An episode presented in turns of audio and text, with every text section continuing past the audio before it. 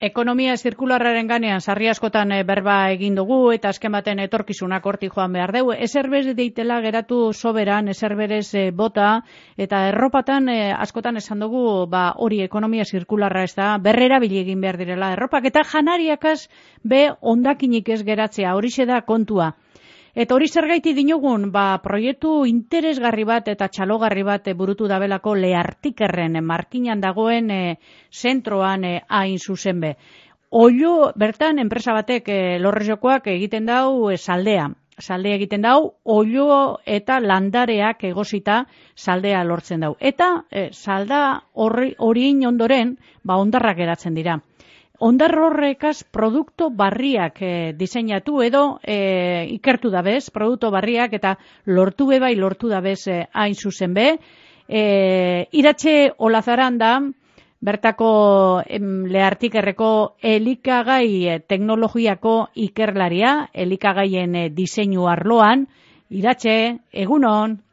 Egunon, egunon. Bueno, lan, batean esan ta, oioa eta landare, ba, oioa eta landarea ondakinek egozi eta horrekaz produktu barriak egin dozu ez?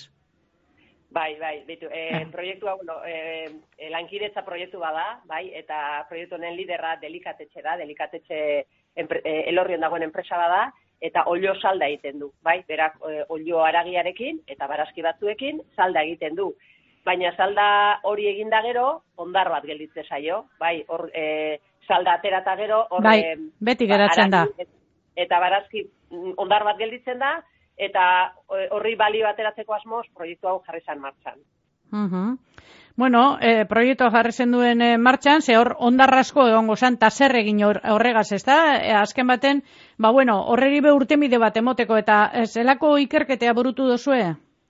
Bai, betu ba, zera baten egin genuna izan zan pizka bat, ikusi, ba hori, hor genukan lehen gai hori edo material hori, aprobetsatu nahi genuen, nahi genuen material horrek ze, ze zekan, ez da? Eta egin genuen, bueno, gure itzen dioguna karakterizazio, bat aztertu egin genuen, ikusi genuen zer zekan. Eta ikusi genuen esan, balde batetik zekala proteina kopuru e, majua, gero e, e, gantza bai, eta kasu honetan gantza gainera asegabea da, bai, asegabea nahi du esan, beno, pizkat, e, gantz osasuntzua edo dala, eta bestalde batetik ikusten genuna bat esan bai, oraindik ere mantentzen zitula ezaugarri sentsorialak.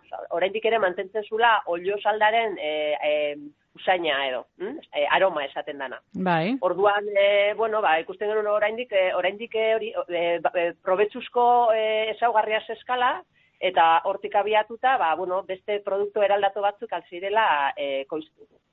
Mhm. Eta hasi e, egiten probak, ezta?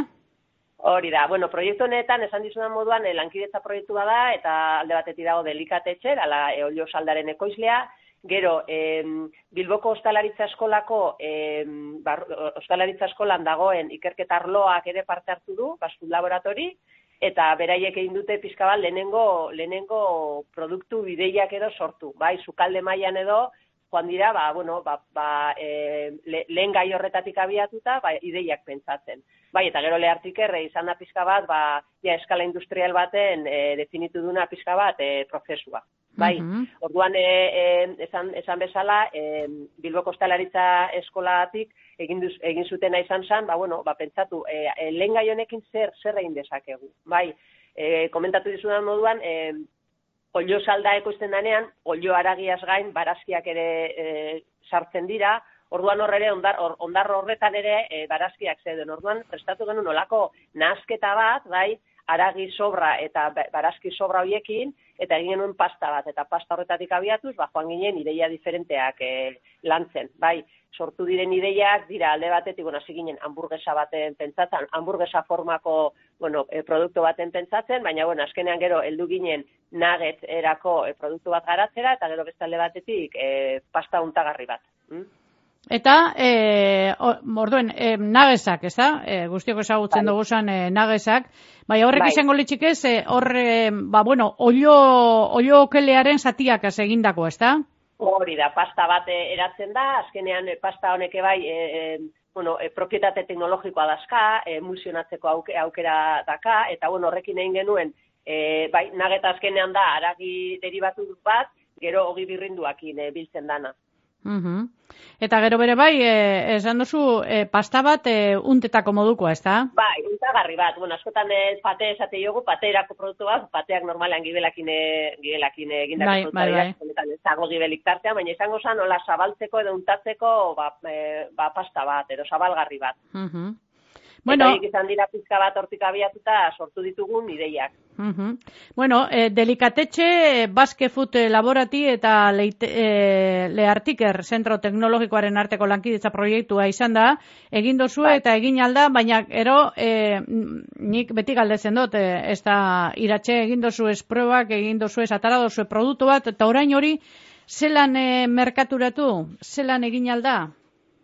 Bai, bai, e, proiektu honen barruan, bueno, e, pizka bat egin genituen lehenengo frogak zuk esaten desun moduan, baina baita ere e, industria eskalatze fase bat ere gonda. Bai, azkenean, e, sortu genitu nire horretatik, bueno, erabaki genuna zan, untagarria sala e, produkturik, bueno, e, delikatetxe barruan irten bide auki zuen produkturik egokiena, eta hori ere eraman dugu ja, e, e, bueno, industria eskala batera edo. Eraman delikatetxen bertan e, egin ditugu ekoizpen batzuk bai, eskala handiagoan.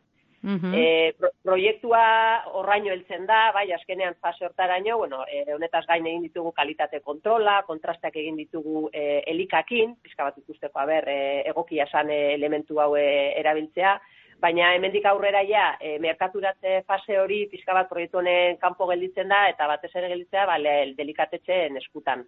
Bai, ikustea pizka bat, ba, seirten bide. Bai identifikatu duguna proiektu honetan da, bueno, azkenean hori, e, giza elikadurarako produktu eta sari gara itzeiten, bai, e, baina delikatetxekaka beste linea bat e, animali elikadurarako, bai. Mm Orduan ere aukera moduan, e, aztertzen ibili gara, bueno, o, o, proposatu da, agian, produktu hau ere eraman daitekela e, animalien elikadurako linea horretara, ba, agian merkatuan e, balio gehiago ukidezakelako horrelako produktu batek, bai e, e, lehiakorragoa dalako. Mm? Esan nahi dozu, ba, igual, e, txakurren janarirako edo katuentzako edo, ez da? Bai, hori da, hori da, bai, ze, bueno, untagarrien e, kate, e, produktu kategoria horretan, lehi, produktu asko daude, merkatuan, bai, bai, bai. Eta batzuta, bueno, saia izatea, ba, bueno, e, lehiatzea ez da, merkatu horretan. Orduan agian, delikatetxek, pigarren e, linea hori eukita, bai, animali zuzendutako e, e, likagaiak, ba, agian ere horra, horrea eramateko aukera hori ere baloratu dugu. Baina esan bezala, hau pizkabaia gelditzen da, ba, delikatetzen eskuetan, guk egin dugu fase experimental hori, zuk esan bezala, azkenean zan proiektu berritzaile bat eta ekonomia zirkularrean oinarritutako proiektua, eta hortik aurrera ja merkaturatzea, ba, pizka gelditzen da, ba, enpresa horren esku. Uh Delikatetxe esan duzu dauela elorrion? Bai, elorrion. Uhum. Eta oin izango litzateke zuek egin dozu hori. E, doze modutan ere, bueno, ba, ekonomia zirkularren alde egiteko, ba, e, enpresa horrek e, ikusi dugu, ez da? Lehartik errea jo dau, e, jakiteko zer egin horrek esan nahi dau, e, olio eta landare e, salda egiten dagoela, eta ondarrasko geratzen dela, ez da? Eta behar bada horreri urten bide bat emon behar jakola, ez da? Hori, hori da eurek ikusiko ebena, ez da? Bai, bai, delikatetxe gainera da enpresa bat e, urte, gutxi, urte, urte gutxiko enpresa da, da baina mm, enpresa bera, ekonomia zirkularren, filosofia horren e, e, gainien, e, bai, bai, zeberak eiteuen azkenian da, e, oio erruleak, azkenean, oio erruleak erabiltzen ditu, bai, ba, adibidez, Eusko Label edo oio ekologikoak e, erabiltzen ditu, bai, oio hauek e, arrautzak jartze dituzte, eta beraien ekoizpen zikloa bukatzen danean normalean hil egiten dira eta esaie balio handirik ematen. Mhm. Bai, orduan delikatetxe sortu san pizkat ideia horretatik. Ah, guazen aprobetzatzera, guazen etekin ateratzera aragi honei eta zergatik ez salda bat egin, bai. Mhm. Salda hori egiteko, oiuaz gain behar ditugu beste ba, barazki batzuk, porrua senario bestera da bateko barazkiak. Ba, barazki horiekin bai, ba, gero kontserba batzuk ere egite dituzte, bai, hortik egosketako ondakin hoiek ere, bueno, ondakin ondar hoiek ere, nola baita esateko, beste bigarren aukera bat ematen zaie, eta produktu diferentea dauzka. E, delikatetxek eh, momentu honetan, e, merkaturatzitu saldak alde batetik, barazki kontserba batzuk, porruak, tipula konfita eta, eta baita ere hamburguesak, segero e, joen bular, bularkiekin edo e, hamburguesak egiten dituzte. Orduan, proiektu honetan beste bigarren buelta bat eman diogu, eta prozesu horreta, guzti horretatik ateratzen den ondar horrei ere, beste, beste hortik abiatuta, beste produktu batzuk ere aritugu lantzen. Esan geinke, zirkular, zirkular guztiz, eh, eiratxe? Bai, jo, bai. eh, hortik joan behar Bai. dugu danok, eh, ze posgarria Hori dan da. hori.